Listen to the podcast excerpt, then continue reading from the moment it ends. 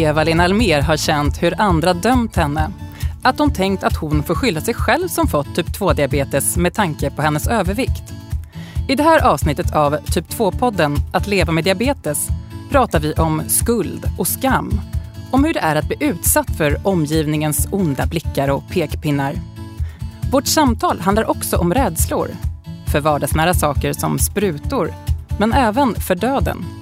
Ja, vi pratar om de svåra känslorna som tyvärr så ofta hänger samman med typ 2-diabetes. Jag som leder podden heter Anna-Karin Andersson och jag hälsar dig som lyssnar varmt välkommen. Och som vanligt har jag sällskap i studion av vår expert Janet Lexell. Hej Janet! Hej! Du är diabetessjuksköterska och docent vid Uppsala universitet. Och i det här avsnittet ska du få ge råd kring hur man kan stärka sitt självförtroende och bearbeta sina rädslor.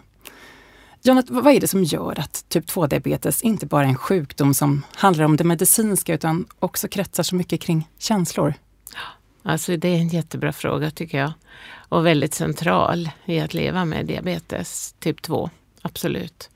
Eh, och det har ju pratats om känslor och diabetes ifrån vårdens sida. Det skrivits eh, avhandlingar och så vidare.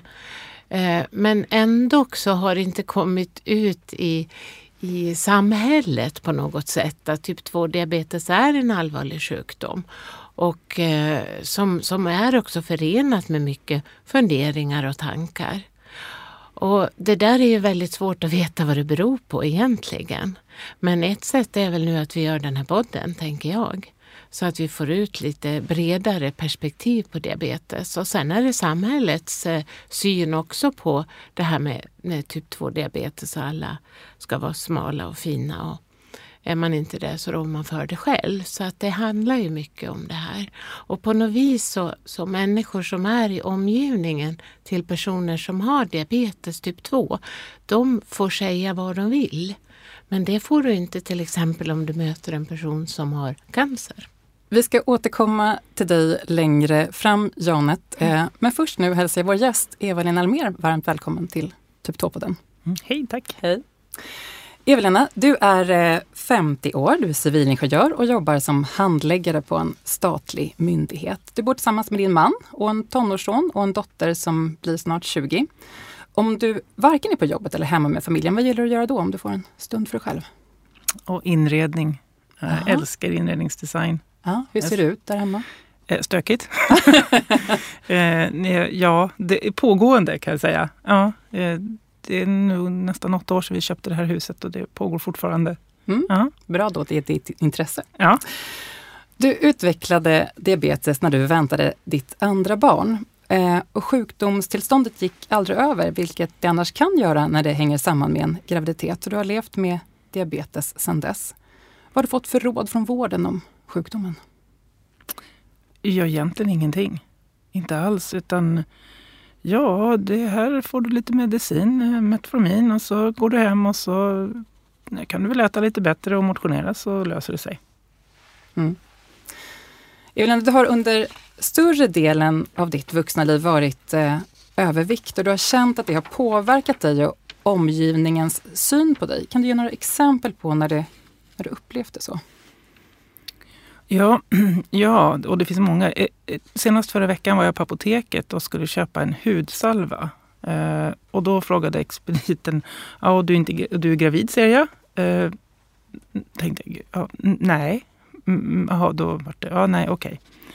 Men annars är det, det är folk som kan eh, resa sig på bussen och säga att jag behöver sitta ner för att jag är gravid. Eller de som säger att jag minsann kan stå för att jag är så stor. Behöver stå upp. Så det finns alla möjliga varianter. Mm. Du är ju välutbildad akademiker. Eh, har du så att säga kunnat stärka dig själv med hjälp av att du yrkesmässigt har en hög status? Um, jag har väl känt att jag alltid liksom...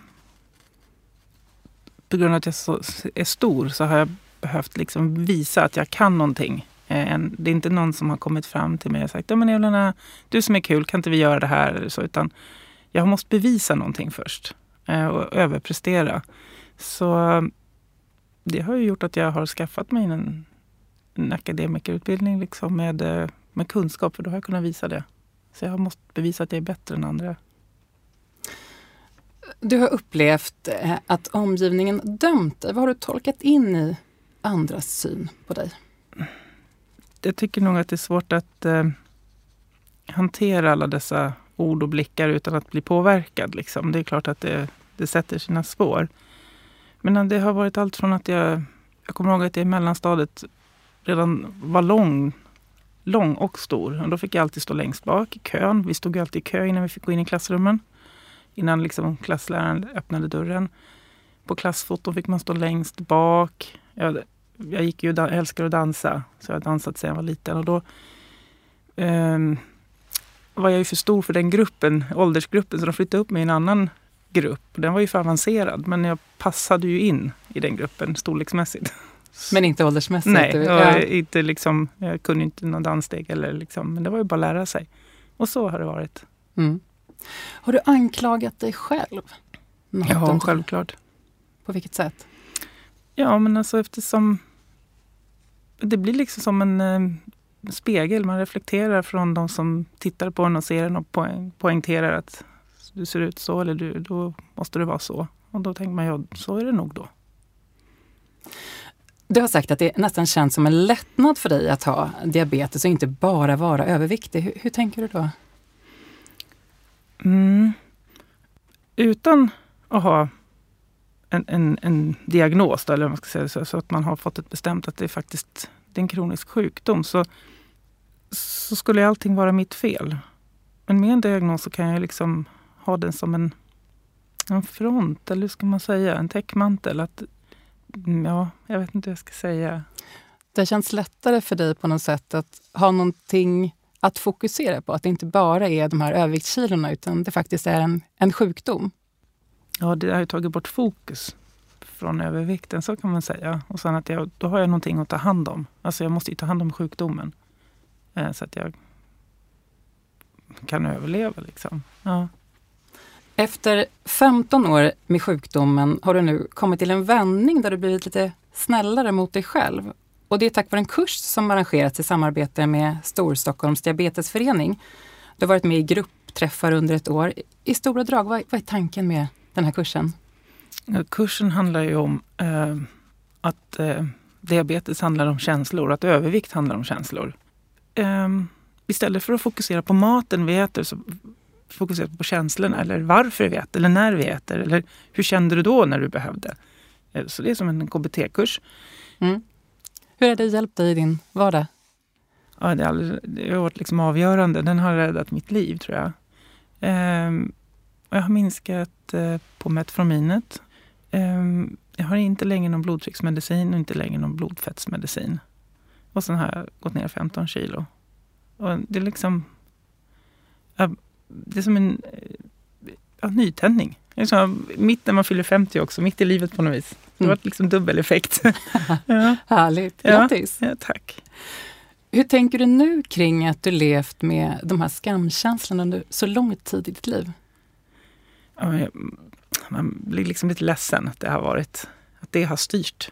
Eh, och att, ja, på något vis så har det faktiskt styrt mig, även fast det inte det är inte jag som person. Sån är inte jag. Liksom. Men ändå så har de som tagit överhand och det gör mig ledsen. Men så tänker jag, nej, men jag har väl 50 år kvar och får ta dem på ett annat, annat tempo, annat sätt.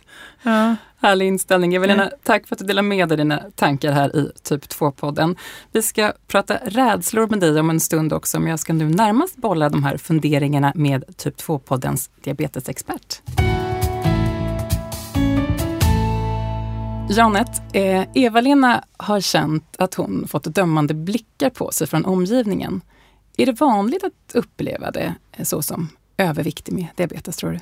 Ja, alltså det är ju väldigt vanligt. Typ 2-diabetes har ju blivit en, en vanlig folksjukdom eh, och det gör att många snappar upp saker om sjukdomen och sådär.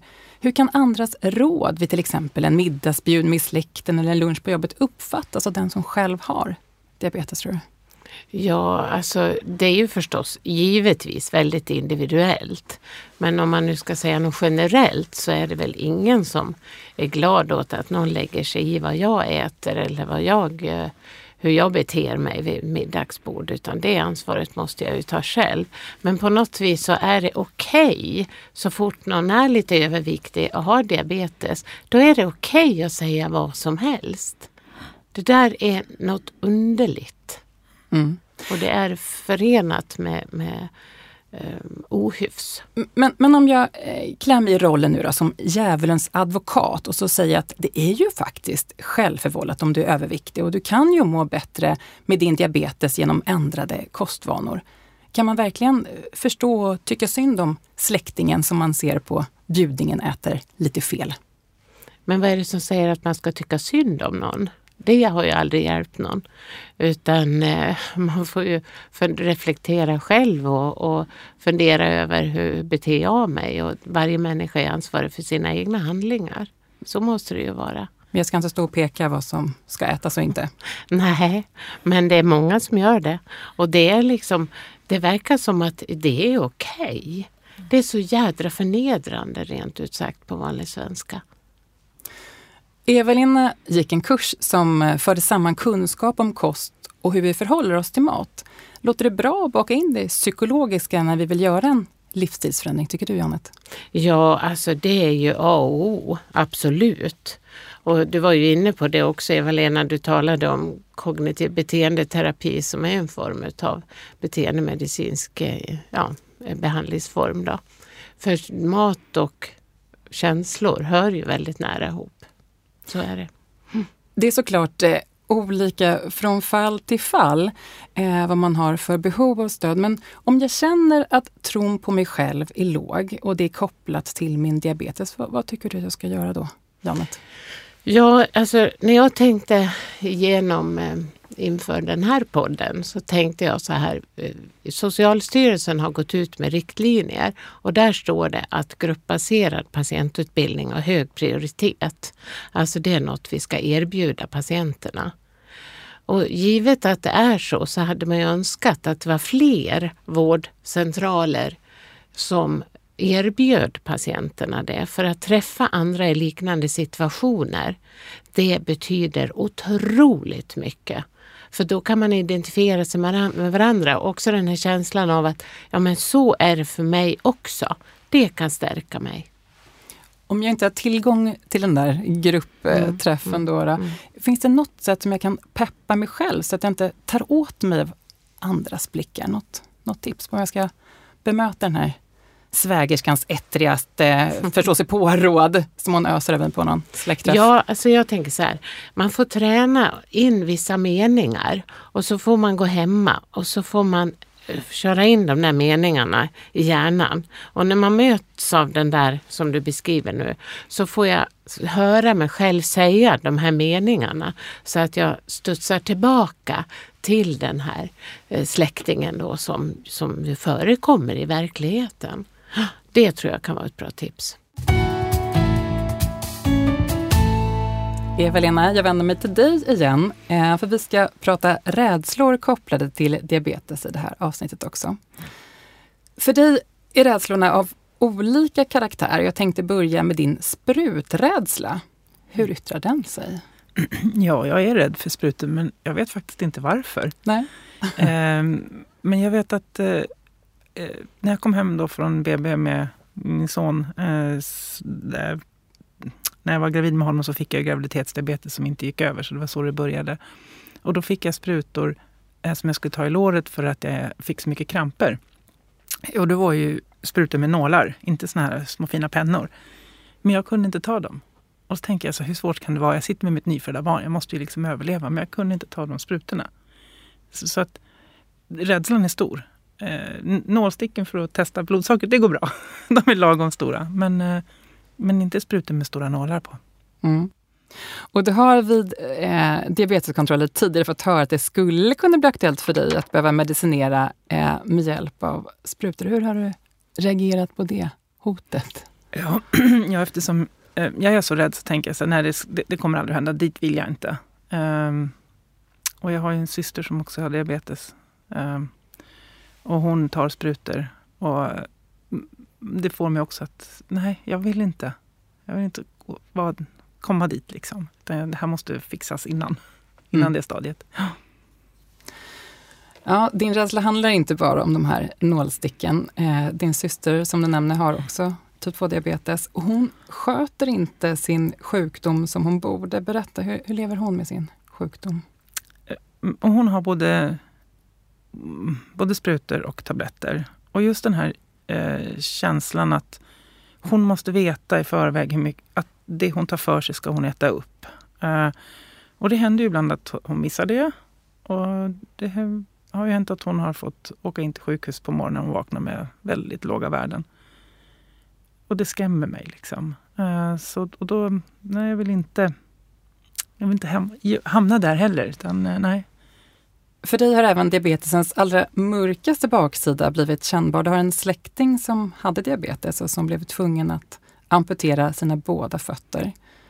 Och han dog senare till följd av sjukdomen eh, för ett år sedan ungefär. Hur påverkades du av det livsödet? Eh, det berörde mig väldigt. Han var född samma år som mig. Eh, en otroligt snäll människa. Liksom. Och så tänker man att han vägrade acceptera sin diabetes. Och så tänker jag så att amputera fötter, det låter lite gammaldags för mig. Gör man så i dagens läge? Kan man liksom... Det borde inte behöva göras. Och då, nej, det ska inte... Det är samma sak där. Det får mig liksom att jag är rädd för det här. Det här får inte, det här får inte ske.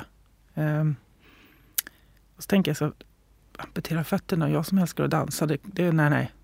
Det, det, det, blir bara värre och värre då. Liksom. Så jag tänker, då får jag liksom energi att säga, nej, det här ska vi fixa. Mm. Så att det, det gör mig berörd, men så får jag energi av det samtidigt. Alltså på något konstigt sätt. Jag vet mm. inte hur man förklarar det. men, Kom tankarna på döden till och med närmare när någon som har sjukdomen avlider av den? Ja, och jag tror att det var för att han var född samma år som mig. Att det är liksom, jaha, det är ju möjligt. Liksom. Det tror man inte på något vis att sådär. Utan då blev det nära och då, det är skrämmande. Nej, jag har många år kvar. Så nej, nej, så här, det går inte. Mm. Så tänker jag då. Janet, vad tänker du om de här rädslorna som kan komma med typ 2-diabetes? Ja, rädslor är ju något vi lever med, alla mm. människor, för mm. olika saker här i livet. Så är det ju. Det är ju en naturlig känsla. Det är ju inget konstigt på det sättet. Utan det handlar ju om att kunna härbärgera sin rädsla eller prata, våga prata om rädslan och släppa ut det i ljuset som trollet så spricker det och då är det inte så farligt längre. Uh, ja, ungefär så tänker jag om rädsla. Det är viktigt. Men det är också bra att ha lite rädsla. För att det gör ju att man, eh, ja, man kanske tvingas att reflektera och tänka till och fundera lite. Ja. Mm. Hur kan man bearbeta sina rädslor? Mm. Så att det blir den här positiva effekten av dem. Ja, om det blir, jag ska säga så här först och främst. Om det är en rädsla som fullständigt tar överhand och låt oss säga nu att man måste ta sprutor men man är så rädd så man vågar inte. Då finns det bra hjälp att få. Och man kan, man kan få uh, gå tre, fyra gånger och övervinna sin rädsla med mycket goda resultat. Så det vill jag ändå framföra. Att det går att få snabb hjälp för det. Eh, men sen är det ju återigen att det är viktigt att prata om sin rädsla och tänka till. Skriva ner kanske. Måla en bild. Och så prata med någon som man känner förtroende för. Då. Mm. Men det kan vara någon som man har i sin närhet? Det behöver inte nej, vara någon inom vården? Nej, det tycker inte jag. Men såklart att diabetes, för mig är ju diabetessjuksköterskan en nyckelroll i de här sammanhangen. Hon är ju tränad för att möta den här typen av problem och människor. Det blev eh, allvarsamma samtalsämnen i det här avsnittet om mm. skam och död. Eh, mm. Janet, vad kan jag som lyssnare ta till mig av kring det här som i det mörka trots allt kan stärka ens känsla om hopp om livet med diabetes? Ja, jag tycker att din beskrivning här var väldigt fin och hur du på ett konkret sätt har faktiskt genom att känt de här mörka känslorna också vänt det till någonting positivt.